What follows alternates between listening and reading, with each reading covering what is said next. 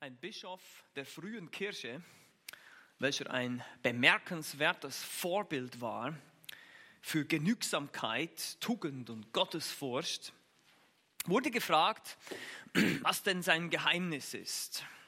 Und der ehrwürdige alte Mann antwortete, es besteht in nichts anderem als dem richtigen Gebrauch meiner Augen. Es besteht in nichts anderem als dem richtigen Gebrauch meiner Augen. Erstens schaue ich hinauf zum Himmel und erinnere mich daran, dass es meine Aufgabe hier auf dieser Erde ist, dorthin zu kommen. Zweitens schaue ich unter die Erde, weil das ist der Platz, an dem ich eines Tages liegen werde und auch denke darüber nach, wie wenig Platz ich da einnehmen werde. Und drittens, drittens schaue ich mich um in der Welt und stelle mir die Frage, ob diese Menschen wirklich alle so viel glücklicher sind als ich. Und so lerne ich letztlich, von welchem Ort die wahre Freude kommt, an welchem Ort alle Sorgen enden werden und dass ich keinen Grund habe, undankbar zu sein. Zitat Ende. Diese kurze Anekdote zeigt uns das Hauptproblem von Weltlichkeit, was wir Weltlichkeit nennen. Weltlichkeit ist letztlich nichts anderes als eine auf das Diesseits fixierte Sicht. Also ich konzentriere mich darauf, was hier in dieser Welt ist und suche darin meine Befriedigung und meine Erfüllung. Nun, wir Christen sollten offensichtlich nicht davon geprägt sein, aber leider stellen wir immer wieder fest, dass das ein, geradezu ein Trend ist in der heutigen Zeit. Weltlichkeit ist ein großes Problem. Und wenn wir über Weltlichkeit nachdenken, dann denken wir vielleicht immer gleich an, ja, ja, ich rauche nicht, ich trinke nicht, ich fluche nicht. Das ist Weltlichkeit. Und das ist ein Teil davon, eine Ausdrucksweise davon. Wir denken vielleicht an die Leute, die Partys machen und was weiß ich nicht alles. Aber wir müssen verstehen, dass Weltlichkeit ganz andere Formen und Farben annehmen kann, über die wir vielleicht nicht so oft nachdenken. Und leider nimmt es Einzug in die Kirchen und Gemeinden. Ich möchte euch einen Artikel vorlesen aus einem Buch eines bekannten Bibellehrers und Autors. Zitat, das ist ein längeres Zitat hier. Ich möchte einfach nur, dass ihr das mal so ein bisschen auf euch wirken lasst. Er fragt hier, ist Weltlichkeit oder Weltförmigkeit noch eine Sünde? Weltförmigkeit wird heute kaum noch erwähnt, viel weniger noch als das erkannt, was es ist. Das Wort beginnt antiquiert zu erscheinen. Weltförmigkeit ist die Sünde, sich zu erlauben, dass unsere Begehrlichkeiten, unser Streben und unsere Verhaltensweisen nach irdischen Wertmaßstäben gehandhabt werden. Doch heute sind wir Zeugen eines unglaublichen Schauspiels. In den Kirchen und Gemeinden werden Programme erfunden, die ausdrücklich darauf abzielen, fleischliche Begierden, sinnliche Lust und menschlichen Stolz zu befriedigen.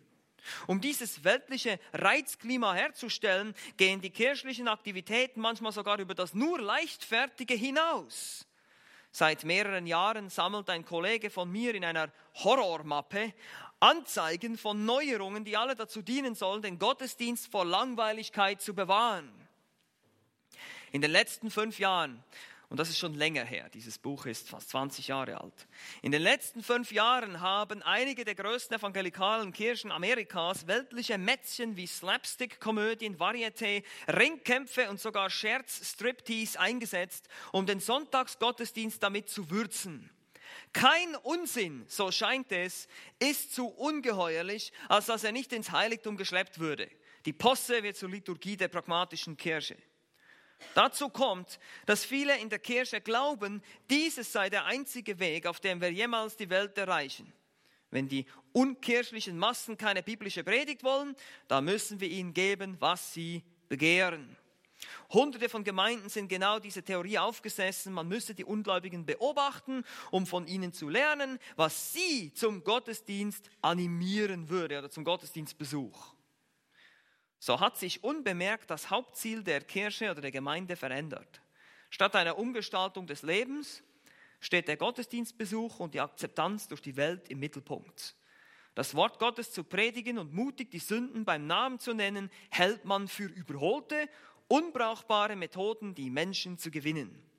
Dazu kommt, dass diese Dinge die meisten Leute wegtreiben.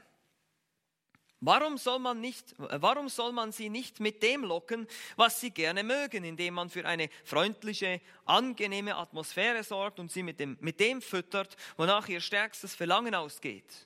Wenn wir möchten, dass sie Jesus annehmen, warum sollen wir ihn dann nicht ein bisschen gefälliger und seine Botschaft weniger anstößig machen? Diese Art zu denken hat den Auftrag der Gemeinde verdreht. Der große Auftrag ist kein Jahrmarkt. Das Evangelium braucht keine Händler, sondern Propheten. Das Wort Gottes, nicht ein irdisches Lockmittel, ist der Same der Wiedergeburt. Eben nicht, das, nicht dieses irdische Lockmittel, sondern das Wort Gottes ist der Same der Wiedergeburt. Wir ernten nichts als das Missfallen Gottes, wenn wir das Ärgernis des Kreuzes beseitigen wollen. Zitat Ende. Und ich konnte das natürlich alles behalten, aber ihr seht, worum es geht. Es geht um diese Anpassung, um diese Strömungen des pragmatischen Gottesdienstes, dass man versucht, die Ungläubigen zu locken. Dieser Umstand gilt aber leider nicht nur für die Gottesdienste in der heutigen Zeit, sondern auch für das Leben vieler heute sogenannter bekennender Christen. Warum sind so viele bekennende Christen heute nicht mehr von der Welt zu unterscheiden? Warum kann man bei vielen Christen gar nicht mehr sagen, was sie denn eigentlich von den Nichtchristen unterscheidet? Was ist eigentlich der Unterschied? In, in vielen Gemeinden, und ich, ich habe das selber erlebt und, und gesehen, sie haben dieselben Prioritäten in ihrem Leben, nämlich Vielleicht ist es die Karriere, vielleicht ist es das große Haus, vielleicht ist es das viele Geld, dieselben Vergnügungen, die zeitaufwendigen Hobbys, das Tanzen in Diskotheken, die schändliche Kleidung, was immer es ist, Dinge, die sie sich im Fernsehen anschauen, die, dieselben schändlichen Dinge, die auch die weltlichen Menschen konsumieren und so weiter und so fort. Wir können hier eine Riesenliste anführen, bis hin zu den sozialen Medien und alles, was du dir im Internet anguckst. Man nimmt es halt nicht mehr so streng mit der Sünde. Wir sind ja frei. Wir sind ja unter der Gnade, heißt es. Ich denke, einer der Gründe für diese Tragödie liegt daran, dass wir als Christen heute immer noch in einer Gesellschaft leben, die uns in gewissem Sinne noch akzeptiert und toleriert. Ich glaube, das ist für uns eigentlich ein Problem. Ja, manchmal, obwohl ich davor selber auch Angst habe, wünschte ich mir, dass wir ein bisschen mehr Widerstand erleben. Weil ich glaube, dass uns das heiligen würde. Ja? Weil die Welt ist für uns immer noch so ein offenes Tor. Wir können in der Welt erfolgreich sein. Wir werden in der Welt akzeptiert. Sie toleriert uns. Sie ist sogar meistens nett zu uns, wenn wir nicht zu deutlich sind in unserem Zeugnis, wenn wir nicht zu viel über Christus sprechen und über die Sünde und über den Himmel und über die Hölle. Wenn wir einfach sagen, wir sind so ein bisschen christlich, ja, wir leben für christliche Werte und das hört sich ja so gut an und so positiv und ja, das ist eine gute Sache und ja, ja, klar und da, da werden auch viele weltliche Leute euch zustimmen und sagen, das ist toll, das finde ich super, christliche Werte, Nächstenliebe, Liebe, Toleranz, Freundlichkeit. Ja, das, das ist genau richtig, das ist super.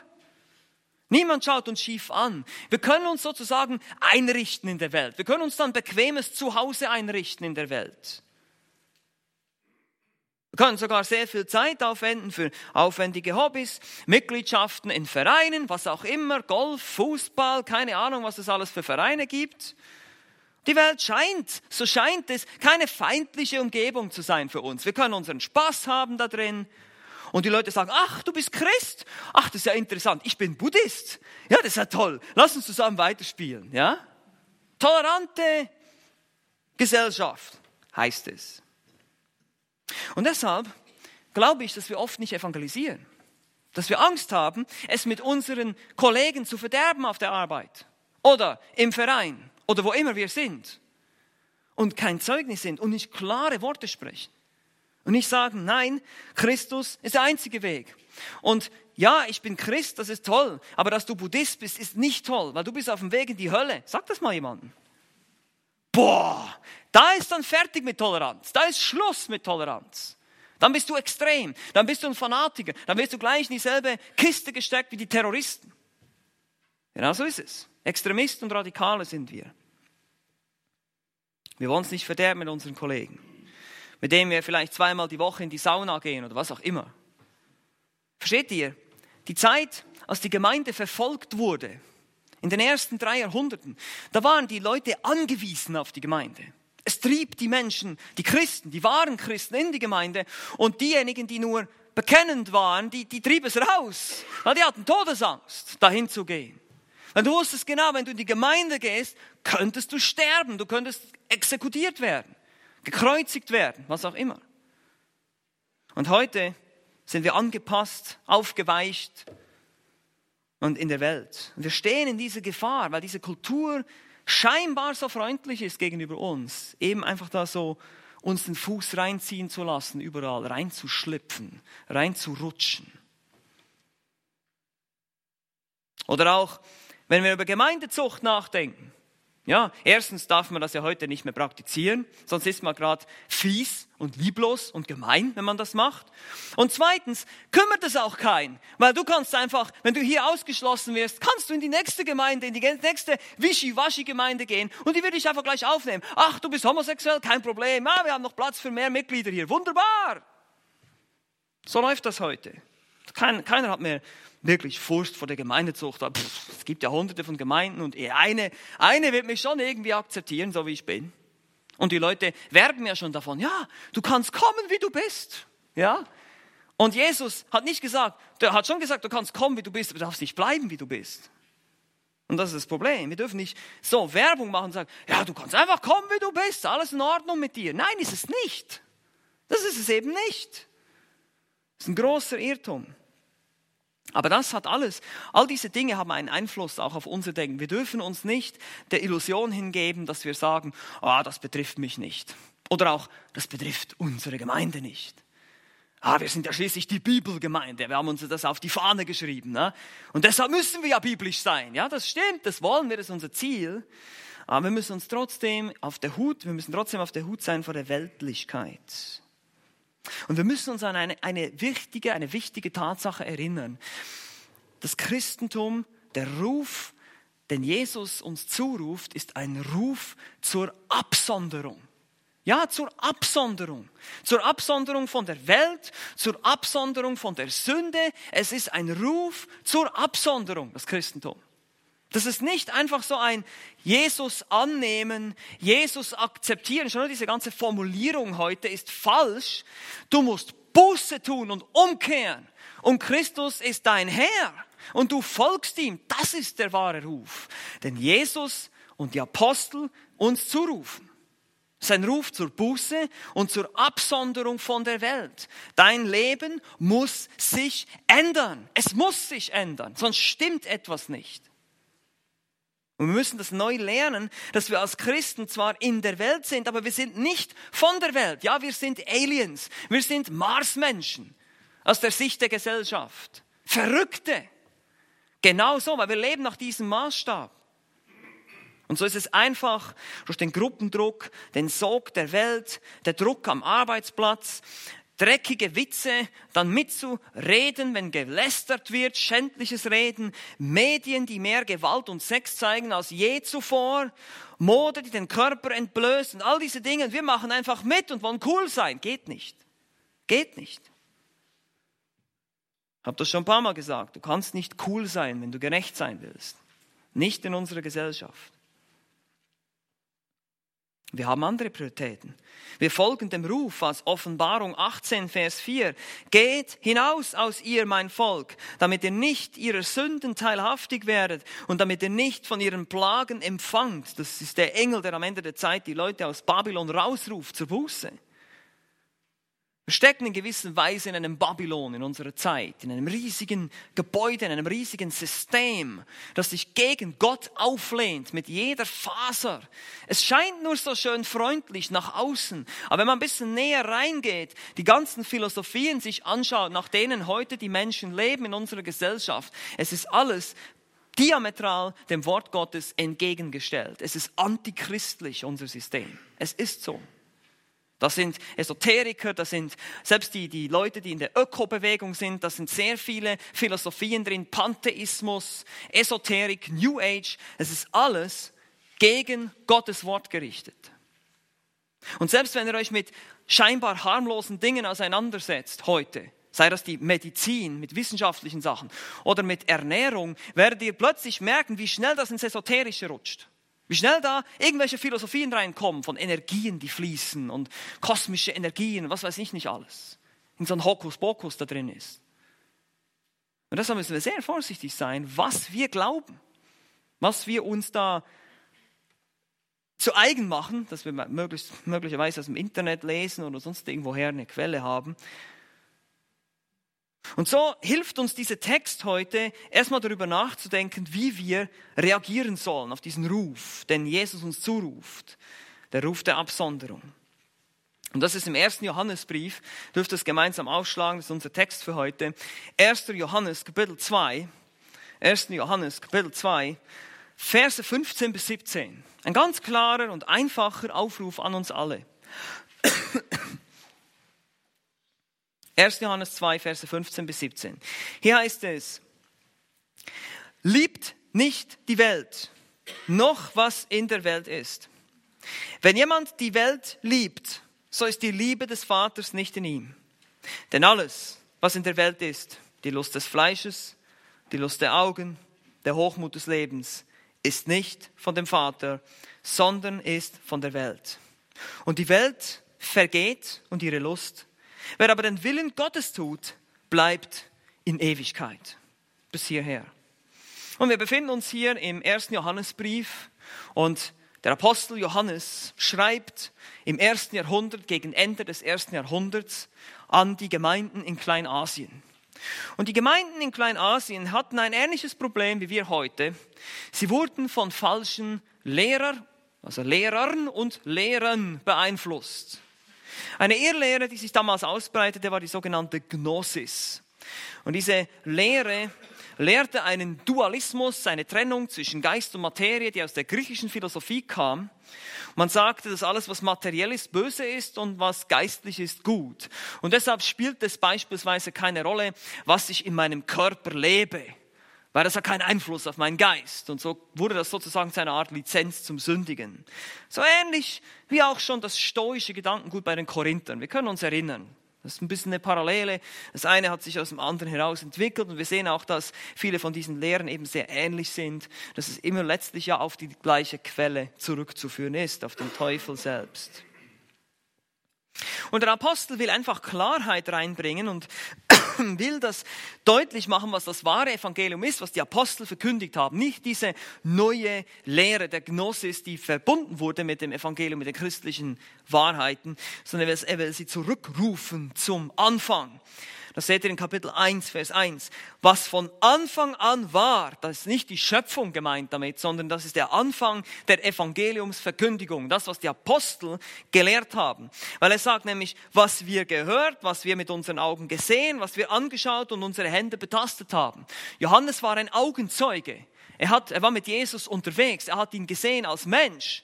Und eine Folge der Gnosis war auch, dass viele sagten, Jesus war nicht wirklich ein Mensch, sondern er war nur so ein Phantom. Oder der Mensch ist zwar am Kreuz gestorben, aber der Geist hat ihn vorher verlassen. Und das wurden verschiedene Variationen da erfunden, um Christus letztlich nicht mehr Christus sein zu lassen, eben nicht mehr 100% Menschen, 100% Gott. Und so musste er das korrigieren und sie zurückrufen zu der Lehre der Apostel. Und deshalb gibt er ihnen dann eine ganze Serie an Testkriterien an die Hand. Der erste Johannesbrief ist ideal, wenn du dich selber prüfen willst. Wenn du selber gucken willst, bin ich wirklich ein Kind Gottes? Dann ist der erste Johannesbrief ideal dafür, weil er ist nämlich geschrieben worden mit der Absicht, Heilsgewissheit zu vermitteln. Kapitel 5, Vers 13 sagt er ganz am Ende, dies habe ich euch geschrieben, all diese Dinge habe ich euch geschrieben, damit ihr wisst, dass ihr ewiges Leben habt, heißt es da. Ihr könnt es wissen, wenn ihr durch diese verschiedenen Tests durchgeht, um euren eigenen Glauben auf die Probe zu stellen. Hier geht es um Heiligkeit, um Nächstenliebe, um Gehorsam, um das Leben in der Liebe nach dem größten Gebot. Und dass die Christen von Liebe gekennzeichnet sind und auch davon, dass sie das richtige Glauben, das richtige, die richtige Lehre verstehen, was die Apostel gelehrt haben. Aber in Kapitel 2, Vers 15 kommt er auf eine Liebe zu sprechen, die Gott nicht mag. Wir sollen in Liebe leben. Wir sollen den Nächsten lieben wie uns selbst. Wir sollen Gott lieben von ganzem Herzen, ganzer Seele. Aber es gibt etwas, was wir nicht lieben dürfen. Eine Liebe, die Gott hasst. Und das ist die Liebe zur Welt. Und ich glaube, dass das, wie gesagt, in der heutigen Zeit in unseren Kreisen ebenfalls ein großes Problem ist. Wir haben letzten Sonntag die fünf Gs des geistlichen Wachstums angeschaut und ein Grund, warum wir oft nicht weiterkommen im geistlichen Wachstum, ist ganz einfach, du liebst die Welt zu sehr. Ich liebe die Welt zu sehr.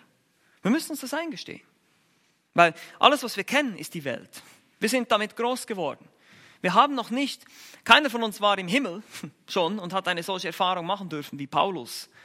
Und so fällt es uns manchmal schwer, uns auf das einzustellen, was wir nicht sehen. Wir leben lieber im Schauen als im Glauben. Wir schauen lieber auf das, was hier ist und das, was ich jetzt aus meinem Leben rauskriege und das, was ich jetzt haben kann, das, was mir jetzt Befriedigung bringt. Das ist weltliches Denken.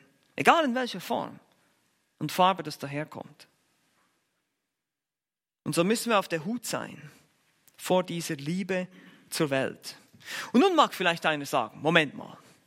Ich dachte, in Johannes 3:16 heißt es doch, denn so hat Gott die Welt geliebt. Hm. Und wir sollen jetzt die Welt nicht lieben. Heißt das jetzt, ich soll jetzt hier rausgehen und zu den Leuten auf der Straße und sagen, ich hasse dich, ich hasse dich? Nein, das ist nicht die Idee hier. Wichtig ist zu verstehen, das griechische Wort Welt, also Kosmos heißt es im Griechischen, kann verschiedene Bedeutungen annehmen, hat ein großes Bedeutungsfeld, nennt man das. Ein semantisches Feld für diejenigen, die in die Grammatik reingehen wollen. Das ist ein Bedeutungsfeld. Das heißt, je nach Kontext bedeutet es etwas anderes. Die Welt ist nicht immer die Erde, die, der Planet, sondern die Welt ist manchmal auch einfach die Menschheit im Allgemeinen. Das wäre in Johannes 3,16 der Fall. Gott liebt die Welt, das heißt die Menschheit im Allgemeinen. Weil er seinen Sohn gegeben hat, hat er die Welt geliebt. Aber hier in dem Kontext des ersten Johannesbriefes nimmt dieses Wort Welt eine andere Bedeutung an. Und das sehen wir, wenn wir natürlich Vers 15 und 16 weiterlesen, vor allem Vers 16, wir sehen, alles, was in der Welt ist, und hier wird die Welt definiert. Die Lust des Fleisches, die Lust der Augen, der Hochmut des Lebens. Hier sehen wir schon, es geht nicht um den Planeten Erde oder die Menschheit im Generellen. Es sind nicht diese bösen, bösen Leute da draußen, das ist es auch nicht, sondern es sind bestimmte Gesinnungen und Begierden, die in unserer Gesellschaft vorherrschend sind. Dieses weltliche Denken, weltliche Lüste, weltliche Vergnügungen, das meint er mit der Welt hier. Und wie gesagt, die können in unterschiedlichen Formen und Farben daherkommen. Es geht also bei Weltlichkeit darum, dass wir gemäß einem System von Lügen denken.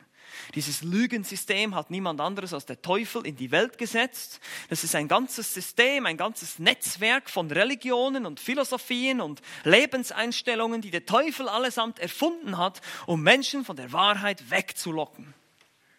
Viele von ihnen sind sogar sehr ähnlich wie die Wahrheit selbst. Das sehen wir im ersten Johannesbrief bei der Gnosis. Diese Leute haben sich auch Christen genannt. Und genauso gibt es heute die, die schwierigsten und die schlimmsten weltlichen Denkensweisen sind die christlichen, die christlich gefärbten. Eben diese Toleranten, die sagen, ja, ich bin auch Christ und ich will, ich versuche mich auch an die zehn Gebote zu halten und ich versuche auch ein guter Mensch zu sein. Das hat überhaupt nichts zu tun mit dem Christentum. Wir haben nicht begriffen, um was es geht. Aber da müssen wir verstehen, das Christentum ist viel mehr als nur eine äußerliche Fassade, eine aufgesetzte Religion, eine Hülle, eine Maske, die ich aufsetze, ein Lächeln am Sonntag. Das ist viel mehr als das. Das ist eine Herzensveränderung. Eine Veränderung deines Herzens, deiner Wünsche, deinen Verlangen. Wir haben das heute Morgen in der Pneumatologie, in der Lehre des Heiligen Geistes gesehen. Der Heilige Geist verändert unser Herz. Er gibt uns neue Wünsche. Neues, einen neuen Willen. Das ist von innen heraus. Und deshalb ist das hier, dieser, dieser Aufruf, liebt nicht die Welt, ist nicht einfach nur ein Befehl, sondern es ist eine Aufforderung, dich selbst zu prüfen. Ja, liebe ich denn die Welt? oder liebe ich wirklich Gott? Das ist eine Aufforderung, das ist ein Selbsttest, eine Selbstprüfung hier. Wo sind meine, meine Ambitionen? Wo sind meine Wünsche? Wo, gehen meine, wo geht mein Verlangen hin? Zu den Dingen dieser Welt oder wirklich zum Herrn? Und so kann ich mich prüfen, ob ich wirklich gläubig bin oder nicht. Das ist das Ziel, das Johannes hier verfolgt. Und deshalb gibt er uns hier als Christen jetzt vier Gründe, warum du als Christ die Welt nicht lieben sollst. Er gibt uns vier Gründe, vier Motivationen. Er will uns zum Nachdenken auffordern. Es gibt vier gute Gründe sozusagen, warum ich als gläubiger Mensch aufhören sollte, die Welt zu lieben und meine Liebe ganz auf den Herrn auszurichten. Hier sind sie, die vier Gründe. Erstens, Punkt Nummer eins heute, sie steht im Gegensatz zum Wort Gottes. Das ist immer die Welt hier. Die Welt steht im Gegensatz zum Wort Gottes. Vers 15. Vers 15 heißt es, liebt nicht die Welt, noch was in der Welt ist. Das spricht Johannes hier zu den Gläubigen, zu denen, die treu geblieben sind. Er spricht meistens diese Leute an, um sie zu trösten und ihnen zu helfen. Nun, der erste Grund, warum wir die Welt nicht lieben sollen, ist relativ simpel. Die Bibel sagt es. Die Bibel sagt es. Hier, der Apostel Johannes schreibt, liebt nicht die Welt. Wenn ich als Gläubiger, als ernsthafter Christ, Christus wirklich liebe, dann liebe ich nicht die Welt. Es ist interessant hier, ähm, der, das Verb steht im Präsens aktiv, also liebt nicht beständig. Liebt nicht beständig, das ist eine andauernde, kontinuierliche Handlung, das ist ein, er spricht von einem Lebensstil hier. Wir alle gehen mal in die Falle, dass wir mal etwas in der Welt lieb bekommen und dann wieder Buße tun müssen und wieder zurückkommen zum Herrn. Wir alle sündigen. Das ist nicht der Punkt hier, den Johannes immer wieder macht. Es geht hier immer um einen Lebensstil, einen Lebensstil, ein Muster was dich prägt, was, dich, was dein ganzes Leben charakterisiert. Wenn dein ganzes Leben von einer beständigen Liebe zu den Dingen der Welt charakterisiert ist, dann stimmt etwas nicht, dann bist du kein Christ. Ein Lebensstil der Absonderung wird hier verlangt von uns. Und das Verb hier, lieben, ist ganz spannend, ganz interessant, ist das Verb agapao. Ihr kennt das Wort agape, ja, göttliche Liebe heißt es immer. Und ihr habt vielleicht schon Prediger gehört, die gesagt haben, ja, das ist immer göttliche Liebe. Nein, ist es nicht. Hier haben wir ein Beispiel dafür. Es geht hier nicht um göttliche Liebe, weil es geht hier um die Liebe zur Welt, eine Agape für die Welt, nicht eine Agape zu Gott. Und die Idee von Agapao ist eben auch nicht nur eine, eine Liebe, sondern ein sich hingeben, ein sich ergötzen an diesen Dingen, sich wirklich diesen Dingen hingeben, dafür leben. Das ist die Idee hier. Jemand, der beständig sich diesen weltlichen Dingen hingibt, ist kein Christ. Sehen wir noch, macht er dann deutlich, dass die Liebe des Vaters nicht in ihm ist. Also das bedeutet so viel, wer ist nicht errettet. Also, das ist der erste Punkt hier. Die Bibel sagt uns, dass der Christ, der wahre Christ, nicht von weltlichen Ideen begeistert sein soll. Das weltliche Vergnügen lieben oder auch darin aufgehen. Hier geht es nicht darum, dass wir nie Spaß haben dürfen, dass wir niemals zusammen irgendwas unternehmen dürfen. Das ist nicht damit gemeint, sondern es geht hier darum, dass ich mich nicht, dass ich nicht dafür lebe. Das ist mein Lebensziel, alles rauszuholen. Das ist nämlich genauso wie die Welt um uns herum lebt.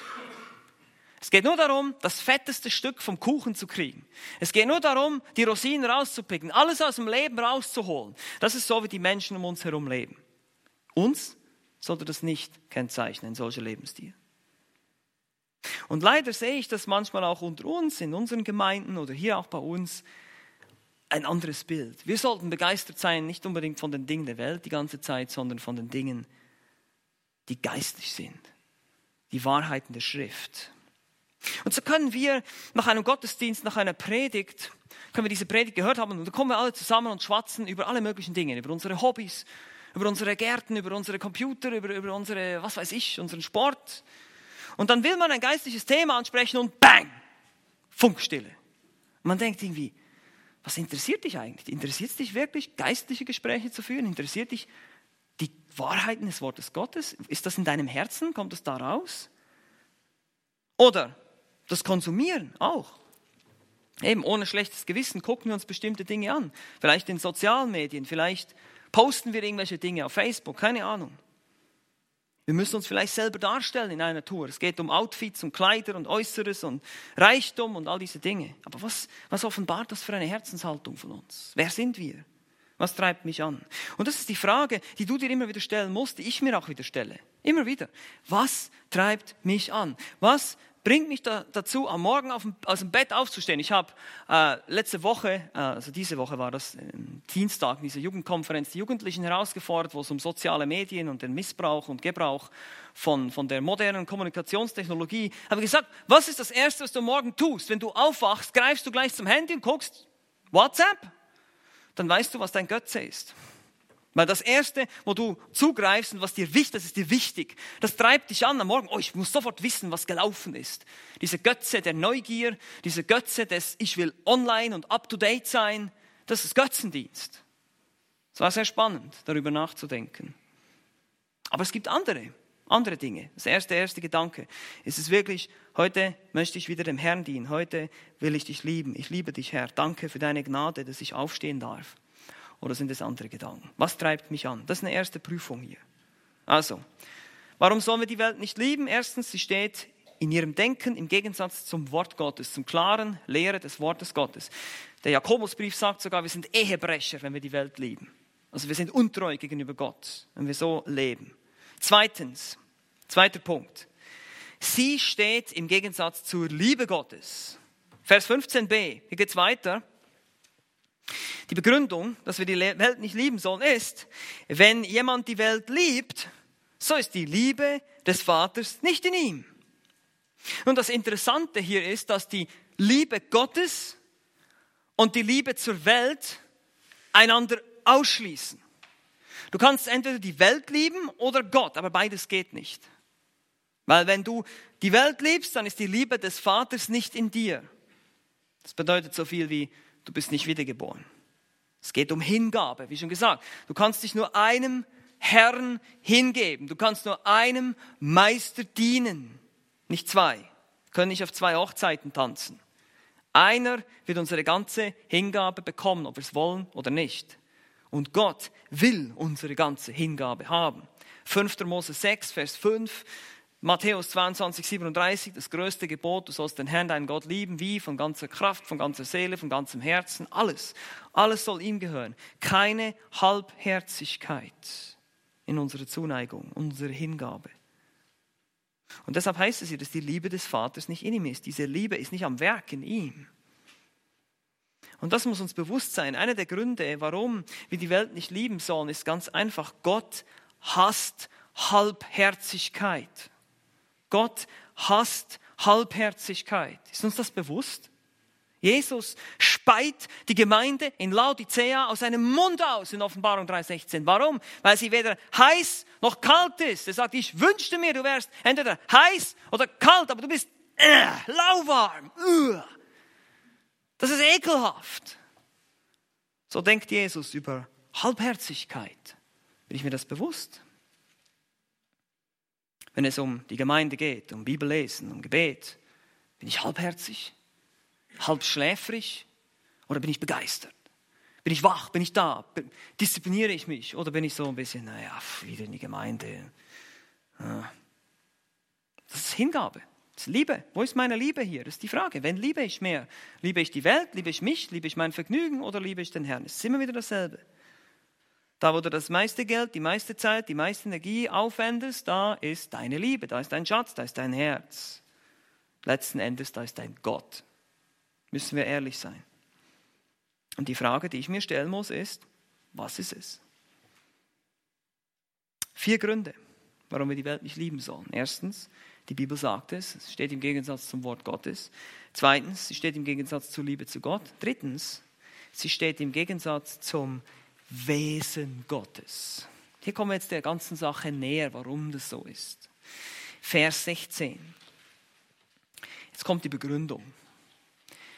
Nicht nur schließt es die Liebe zum Vater aus, wir können nicht zwei Herren dienen, sondern denn alles, was in der Welt ist, die Lust des Fleisches, die Lust der Augen und der Hochmut des Lebens, ist nicht von dem Vater, sondern ist von der Welt.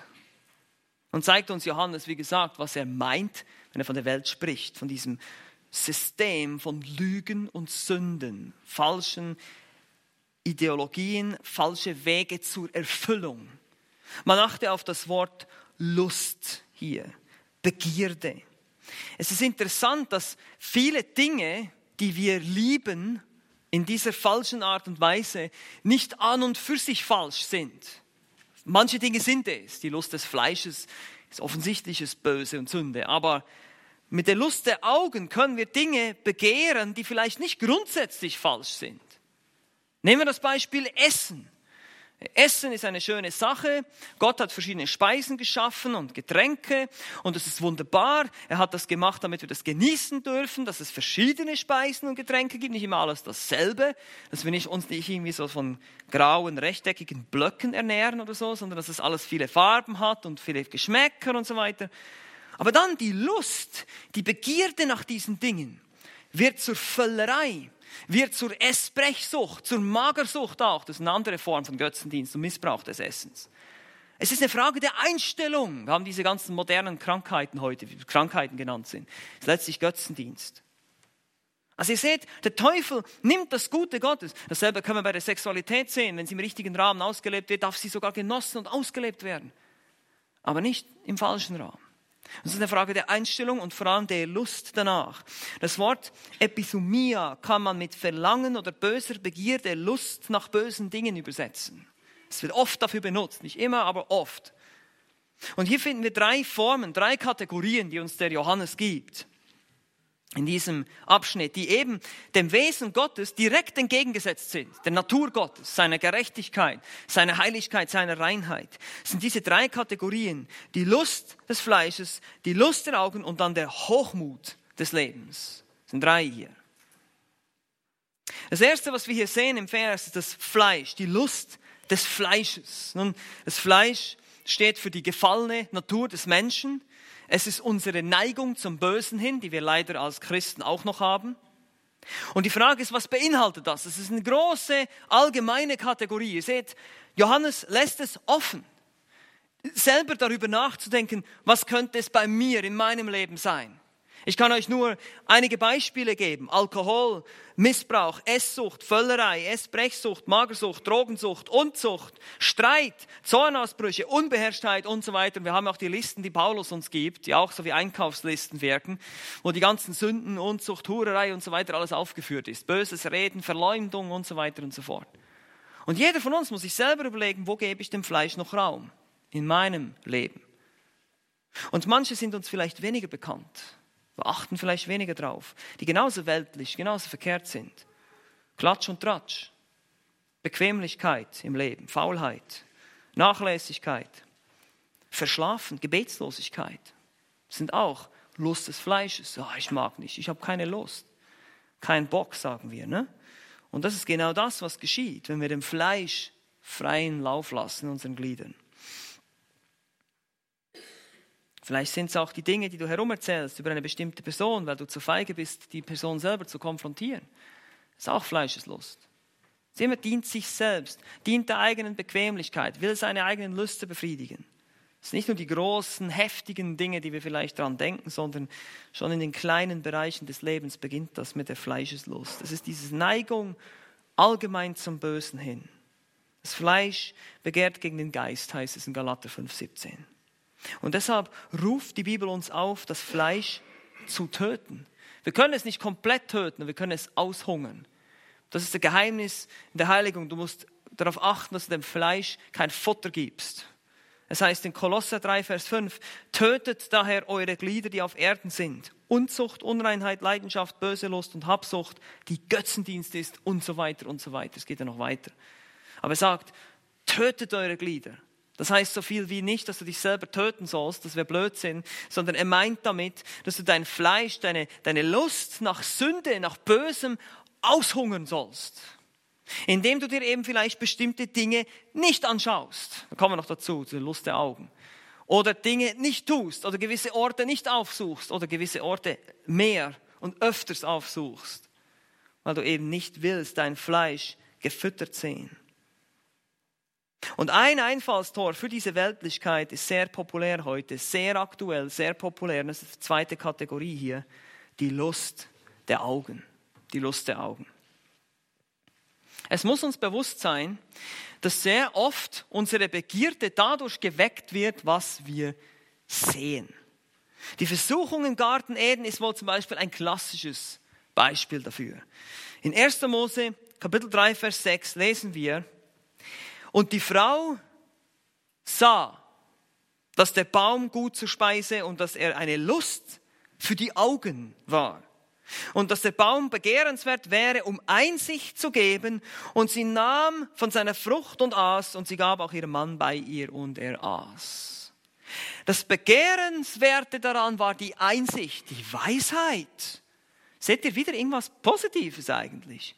Die Schlange versprach der Frau Weisheit. Oh, ihr werdet sein wie Gott. Uh, und dann hat sie das gesehen und bekam Lust danach. Und schon war die Sünde geboren. Das Drama der Sünde begann, das Drama des Todes, der Vergänglichkeit, der Zerstörung, der Krankheit, des Todes, all das begann mit dieser Augenlust. Wir können auch noch eine andere Stelle dazu anschauen, die das auch schön vermittelt.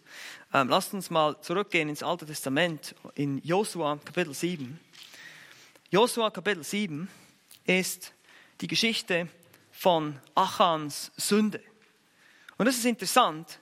Wir sehen, dass Josua die Israeliten während der Einnahme des Landes, dass sie eine Niederlage erlitten gegen die Leute von Ai, seine Stadt, die sie einnehmen sollten. Und der Grund war, dass eine Person von dem Gebannten genommen hat. Diese Dinge waren wohl ein Teil der Beute aus Jericho gewesen. Kapitel 6 sehen wir, dass sie Jericho einnehmen. Und von Gott geboten wurde, dass sie, dass diese Dinge den Bann verfallen. Die sollen einfach nichts davon nehmen. Das soll vernichtet werden, heißt es in Josua 6, Verse 17 bis 18. Also, aber nun lasst uns sehen, wie einer der Israeliten, nämlich Achan, dazu verführt wurde, eine solche Sünde zu begehen. Offenbar nahm einer davon und Deshalb verloren sie diesen Kampf gegen Ai, die erste Schlacht. Wir lesen in Josua 7, Entschuldigung, ab Vers 21. Josua konfrontiert Achan und sagt, gib uns, rück mit der Wahrheit raus. Leg ein Geständnis ab. Und seht ihr interessant, dieses Geständnis, wie das beginnt hier. Es heißt in Vers 20, und Achan antwortete Josua und sprach, ja, ich habe gegen den Herrn und den Gott Israels gesündigt und so und so habe ich getan. Doppelpunkt. Und jetzt kommt es. Vers 21. Ich sah unter der Beute einen schönen Mantel aus Babylonien, sowie 200 Shekel Silber. Hier seht ihr die Lust der Augen. Ich sah das. Vielleicht auch ein bisschen der Hochmut des Lebens, der Besitztümer, der Mantel, der schöne Mantel, das Silber, ja, und ein Goldbarren. Sein Gewicht 50 Shekel. Das ist Schritt eins. Ich sah. Schritt eins. Schritt zwei. Ich bekam Lust danach, heißt es danach. Hier seht ihr Stufe zwei. Stufe eins sehen. Stufe zwei Lust danach bekommen. Und Schritt drei ich nahm es. Hier wird die Sünde sozusagen geboren. Die Tat wird dann geboren. Erst kommt, du siehst es, Du kriegst Lust, die Begierde und dann zack, die Sünde. Und siehe, es ist im Innern meines Zeltes im Boden verscharrt und das Silber darunter. Das ist Schritt vier. Sünde verheimlichen. Okay? Meistens geht es genau diesen Ablauf. Du siehst es, du bekommst Lust und je mehr du es anschaust, desto mehr Lust kriegst du danach. Und irgendwann hast du das Gefühl, ich kann nicht mehr widerstehen. Zack, und dann nimmst du es. Und das ist die große Lüge. Das ist die große Lüge. In dem Moment, wo du siehst, musst du es abstellen. Als Christ, wie gesagt, als Gläubiger, als wiedergeborener Mensch. Sonst, wenn du zu viel Lust danach kriegst, wenn du der Begierde Raum gibst, wenn du diesen inneren Schweinehund fütterst, indem du ständig drauf guckst, kannst du nicht mehr widerstehen, er wird zu stark. Das ist, das ist die Art und Weise, wie die Sünde uns reinzieht, oft über die Augen. Und ich betone das deshalb, weil wir gerade in der heutigen Zeit, wie gesagt, letzte Woche habe ich diese Jugendkonferenz gehalten, es ist mir einfach einmal mehr bewusst geworden, wie sehr wir eine Gesellschaft der Bildmedien sind. Unglaublich bildorientiert sind wir in unserer Gesellschaft. Ich meine, nicht nur, nicht nur Facebook und Instagram und Snapchat und wie sie alle heißen, wo man nur noch Bilder hin und her schickt. Ich meine auch Plakate, Medien, Werbung, Zeitungen, die Bildzeitung Ja, ich meine, man sieht schon, es geht darum, Bildchen zu gucken. Ja, nicht irgendwas Intelligentes zu lesen, weil viel Intelligentes ist da nicht drin. Aber ja, man muss sich schief halten, damit der ganze Schrott rausfällt erstmal. Aber einfach nur, dass wir das verstehen. Leute, wir sind eine bildorientierte Gesellschaft geworden. Wir haben Plakate, wir haben Medien. Wir denken, Bilder sprechen mehr als tausend Worte. Und das ist eine Riesenillusion, das stimmt nicht. Bilder können nur unterhalten, Worte lehren. Ganz wichtig. Bilder lösen Emotionen auf. Sie lehren auf eine andere Art und Weise. Sie unterhalten uns. Sie wecken Gefühle in uns. Und das ist auch nicht immer nur negativ. Wenn du mal ein, ein schönes Landschaftsbild genießt oder überhaupt draußen in der Landschaft bist, das ist noch viel besser, und einen echten Sonnenuntergang betrachtest und nicht nur die Bilder von, auf Instagram von anderen, die ständig Sonnenuntergänge fotografieren, sondern du selber wirklich da mal da draußen bist und auch die frische Luft genießt, dann kannst du das genießen. Das ist eine Lust für die Augen, die okay ist. Du denkst dann vielleicht auch noch über den Schöpfer nach, hoffentlich, und betest und so weiter. Also es ist nicht schlecht, grundsätzlich, auch hier, die Bilder sind nicht an und für sich schlecht, aber das Problem ist dann, je nachdem, was auf den Bildern gezeigt wird, natürlich auch, ähm, dass sie eben nur Gefühle ansprechen. Dass sie eigentlich nur unterhalten. Also das heißt, selbst, sag ich mal, okay Bilder können irgendwann mal nicht mehr okay sein, wenn es zu viele sind. Wenn du dich nur noch unterhältst, wenn du eben kein Buch mehr lesen kannst. Ich meine, was denkt ihr, warum Gott uns sein Wort gegeben hat und nicht sein Bild. Wir haben nicht das Bild Gottes hier, wir haben das Wort Gottes vor uns, keine Bilder. Weil das Wort, die Schrift, lesen, regt deinen Verstand an, dein kreatives Denken, deine Vorstellungskraft. Bilder gucken, äh, konsumieren. Ja? Und deshalb glaube ich, dass die Bildmedien uns systematisch verblöden. Das ist so. Die Bildmedien machen uns doof. Und wir lesen nicht mehr, wir gucken nur noch. Wir ziehen nur noch rein, ja, wie es heute gesagt wird. Wir chillen nur noch. Aber das ist nicht gut.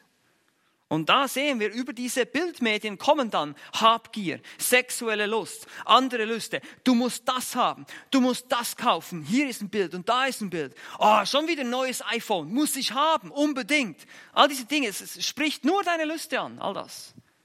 Ich weiß, ein iPhone ist vielleicht nicht für jeden eine Versuchung, besonders nicht für Helmut. Da wäre es vielleicht das neueste Android-Gerät oder irgendwas, aber ist ja egal. Einfach irgendwas ist es immer, was uns da reinziehen soll. Und die, mit dem Bild beginnt es. Es gibt viele Gelegenheiten, Dinge zu sehen und die Lust der Augen zu befriedigen, auch nur durchs Schauen. Und deshalb ist die Frage, trainieren wir unsere Augen das Wegschauen? Das Wegschauen. Oder auch im Internet nicht nur rumzusurfen und Bilder zu gucken, sondern lieber mal ein Buch zu lesen. Oder zwei oder drei Bücher. Wo man gesicherte Quellen hat und nicht weiß, wo man nicht mal weiß, bei dem Internet weiß man nicht mal, woher die Quelle kommt. Aber so werden wir durch unsere Augen, das ist das nächste Einfallstor, werden wir verführt zur Sünde. Schließlich Punkt 3, hier Kategorie 3, die Johannes auch noch anführt, ist nicht nur die Lust des Fleisches, Lust der Augen, sondern auch noch der Hochmut des Lebens. Es ist immer noch unter, der, unter dem dritten Grund, ne, dass, wir, dass es dem Wesen Gottes entgegensteht. Und es steht schon, ihr seht schon, die Lust des Fleisches und die Lust der Augen stehen Gottes Wesen entgegen. Wir befriedigen uns, wir holen uns Erfüllung, nicht in dem Herrn, indem wir den Herrn schauen, sondern indem wir uns eben andere Sachen anschauen. Und der Hochmut des Lebens ist ganz ähnlich hier. Das Wort Hochmut heißt Hochmut, Stolz, Überheblichkeit. Und das Wort Leben hier heißt Bios. Das ist das natürliche, das organische, das irdische Leben. Es ist nicht das geistliche. Im Griechischen gibt es zwei Ausdrücke. Das ist Zoe, das ist äh, geistliches Leben. Meistens Bios bezieht sich oft auf irdische Besitztümer, irdisches Leben, unsere irdische Existenz, was wir hier zum Leben brauchen. Eben Essen, Trinken, Häuser, Fahrzeuge, was immer ihr da nehmen wollt. Und der Hochmut, oder der Stolz dieses Lebens, das ist die Prahlerei mit diesen Dingen. Manche Übersetzungen übersetzen das sogar so, die Prahlerei des Lebens oder der, der, der, die Prahlerei der Besitztümer, sagen auch einige Übersetzungen im Englischen teilweise. Und das ist auch sehr aktuell für unsere westliche Wohlstandsgesellschaft. Ich meine, das ist sehr, sehr aktuell für uns. Wie sehr definieren wir uns durch unsere Besitztümer, durch das, was wir haben? Oder durch die Kleidung, die wir tragen oder was auch immer dich dann angenehm macht vor den anderen oder nicht. Nun, wir mögen vielleicht denken, oh, das betrifft mich jetzt nicht so. Ich habe ja nicht so viel Geld. Ich habe keinen dicken BMW, mit dem ich rumfahren kann und den ich immer präsentieren muss. Ja, ja aber vielleicht gelüstet es dich trotzdem danach. Vielleicht hast du doch im Inneren diese Lust und sagst, ja, ich werde schon lieber ein größeres Haus haben, ein größeres Auto haben, mehr Geld haben. Da bist du genauso. Bist du genauso in die Sünde des Hochmuts des Lebens gefallen, wenn du danach gelüstest. Es geht hier nicht darum, dass du das alles haben musst, um danach zu gelüsten. Und das muss uns bewusst sein. Du kannst sehr arm sein, sehr wenig Geld haben und trotzdem sehr, sehr geizig sein und sehr hochmütig, weil du nämlich diese Dinge alle willst und denkst, du wärst ein besserer Mensch, wenn du das alles hättest. Denken uns vielleicht, ich möchte lieber dieses oder jenes oder das haben. Und so sind wir unzufrieden und undankbar in unserem Leben. Warum habe ich dies, warum habe ich jenes nicht? Das sind alles Indikatoren dafür, dass wir nach dem Hochmut des Lebens, nach dem Stolz auf die Besitztümer dieser Welt trachten. Wir vertauschen gewissermaßen die Herrlichkeit des Schöpfers mit der Schöpfung. Wir beten die Schöpfung an, anstatt den Schöpfer. Wir dienen den Dingen dieser Welt, den Vergnügungen dieser Welt, die Gott geschaffen hat, auch vieles davon zum Guten, die wir eigentlich genießen dürften, aber nicht können, weil wir unsere Herzen so sehr dranhängen, dass sie den Herrn verdrängen.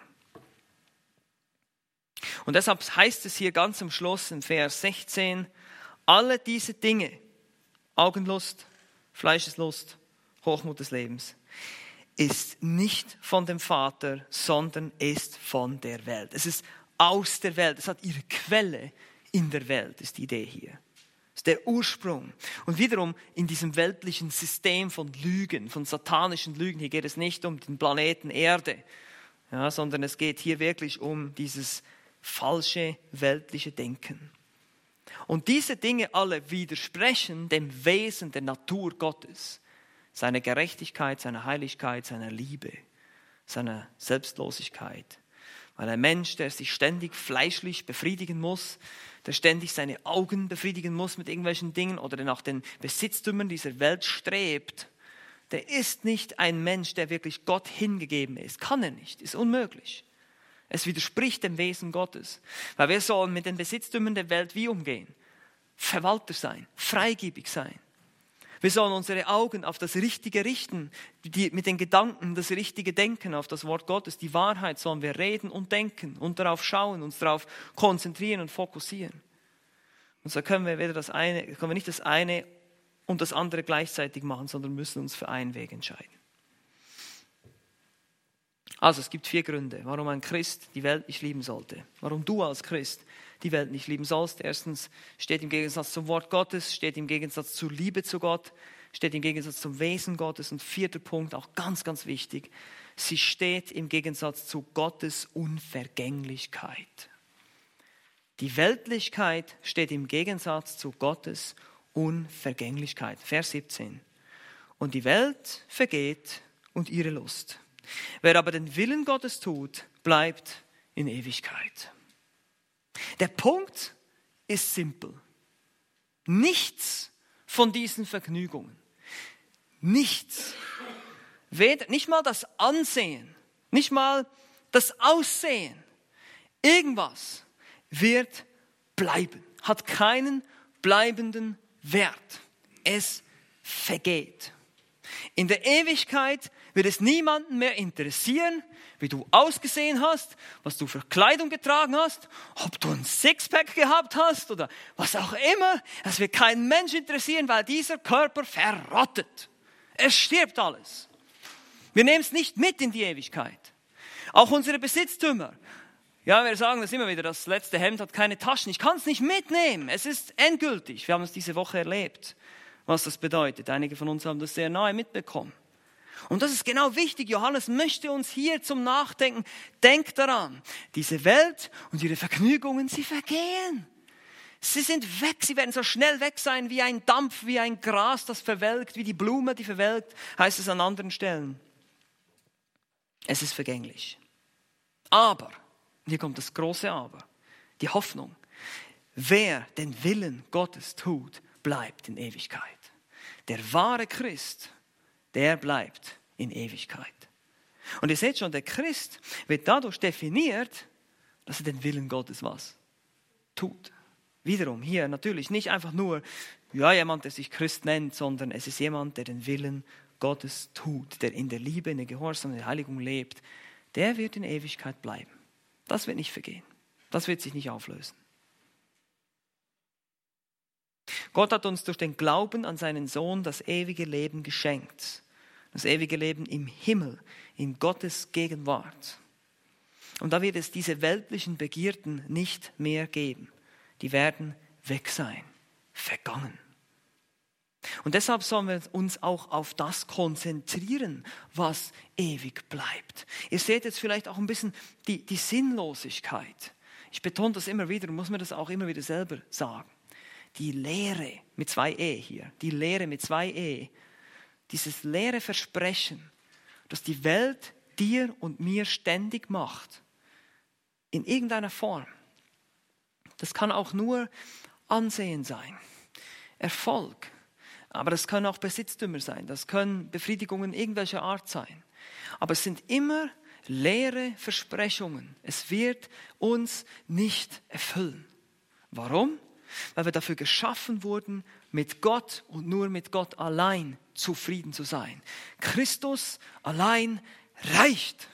Christus allein ist genug. Du brauchst nicht mehr. Du brauchst nicht diese oder jene oder zusätzliche Befriedigung. Christus allein reicht. Und das müssen wir uns immer wieder sagen. Christus ist genug. Christus stillt alle deine Bedürfnisse. Christus ist für alles genug. Du brauchst nichts anderes. Und wenn wir uns das bewusst sind, dann werden wir merken, wie diese ganzen anderen Reichtümer und Herrlichkeiten dieser Welt einfach verblassen. Das ist einfach nichts wert. Es ist alles vergänglich, es ist alles, es wird alles verbrannt am Ende. Ja? 2. Petrus heißt es am Ende, wie diese ganze Welt verbrennt, verbrannt. Sozusagen die Kirchverbrennung.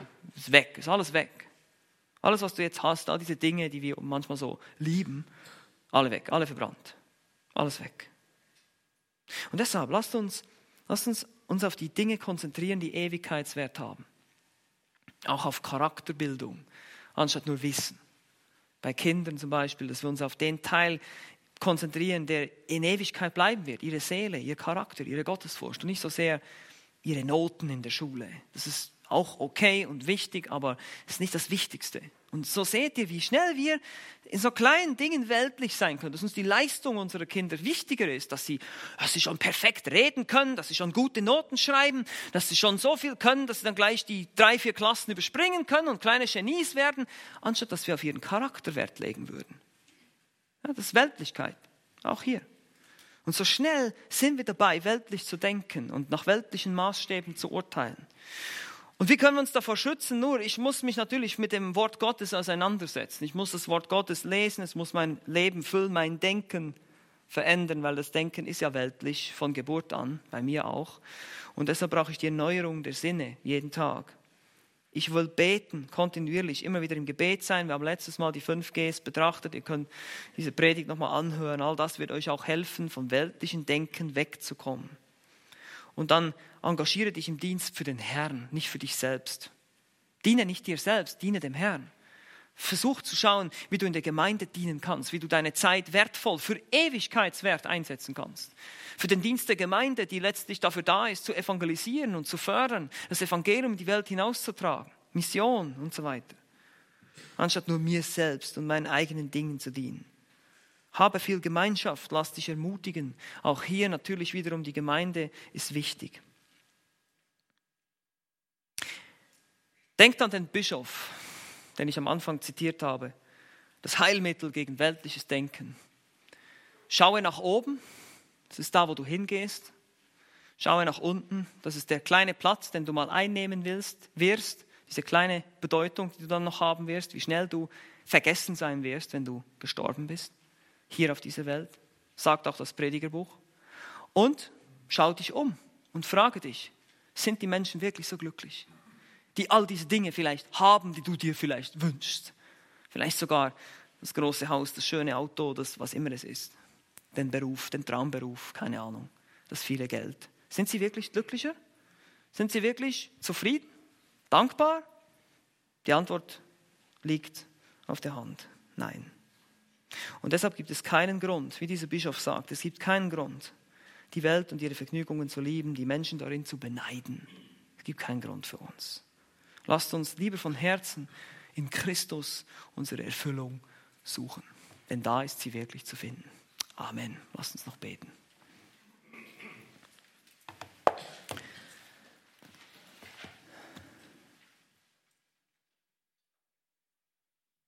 Herr Jesus Christus, ich danke dir, dass du weißt, was wir brauchen.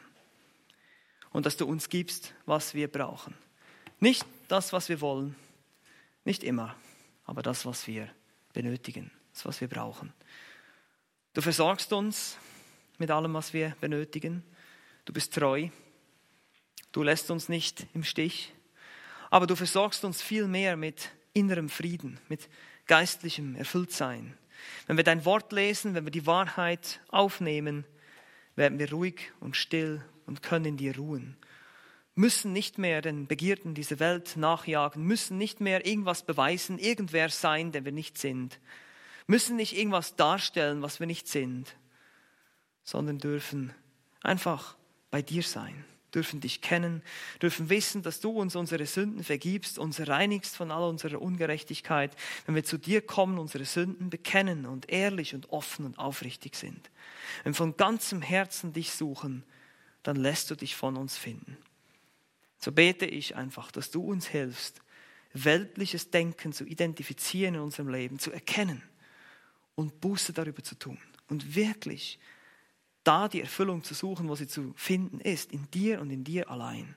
Herr, du willst uns so viel geben, du willst uns so segnen und so überhäufen mit geistlichen Segnungen. Bitte hilf uns, dass wir nicht wie die Toren sind, die im Dreckwasser herumsuchen, um sich da zu erfrischen, sondern zu dir kommen, um das klare, saubere, lebendige Wasser zu trinken von dir. Danke, dass du uns das geben willst, dass du freigebig bist, dass du den Geist nicht nach Maß gibst, sondern uns überschüttest mit Segen, wenn wir zu dir kommen und im Glauben und Vertrauen uns an dich wenden. Bitte hilft uns, das wirklich zu tun, auch in der nächsten Woche darüber nachzudenken und das so umzusetzen, in dir wirklich unseren ganzen Halt zu finden. In Jesu Namen. Amen.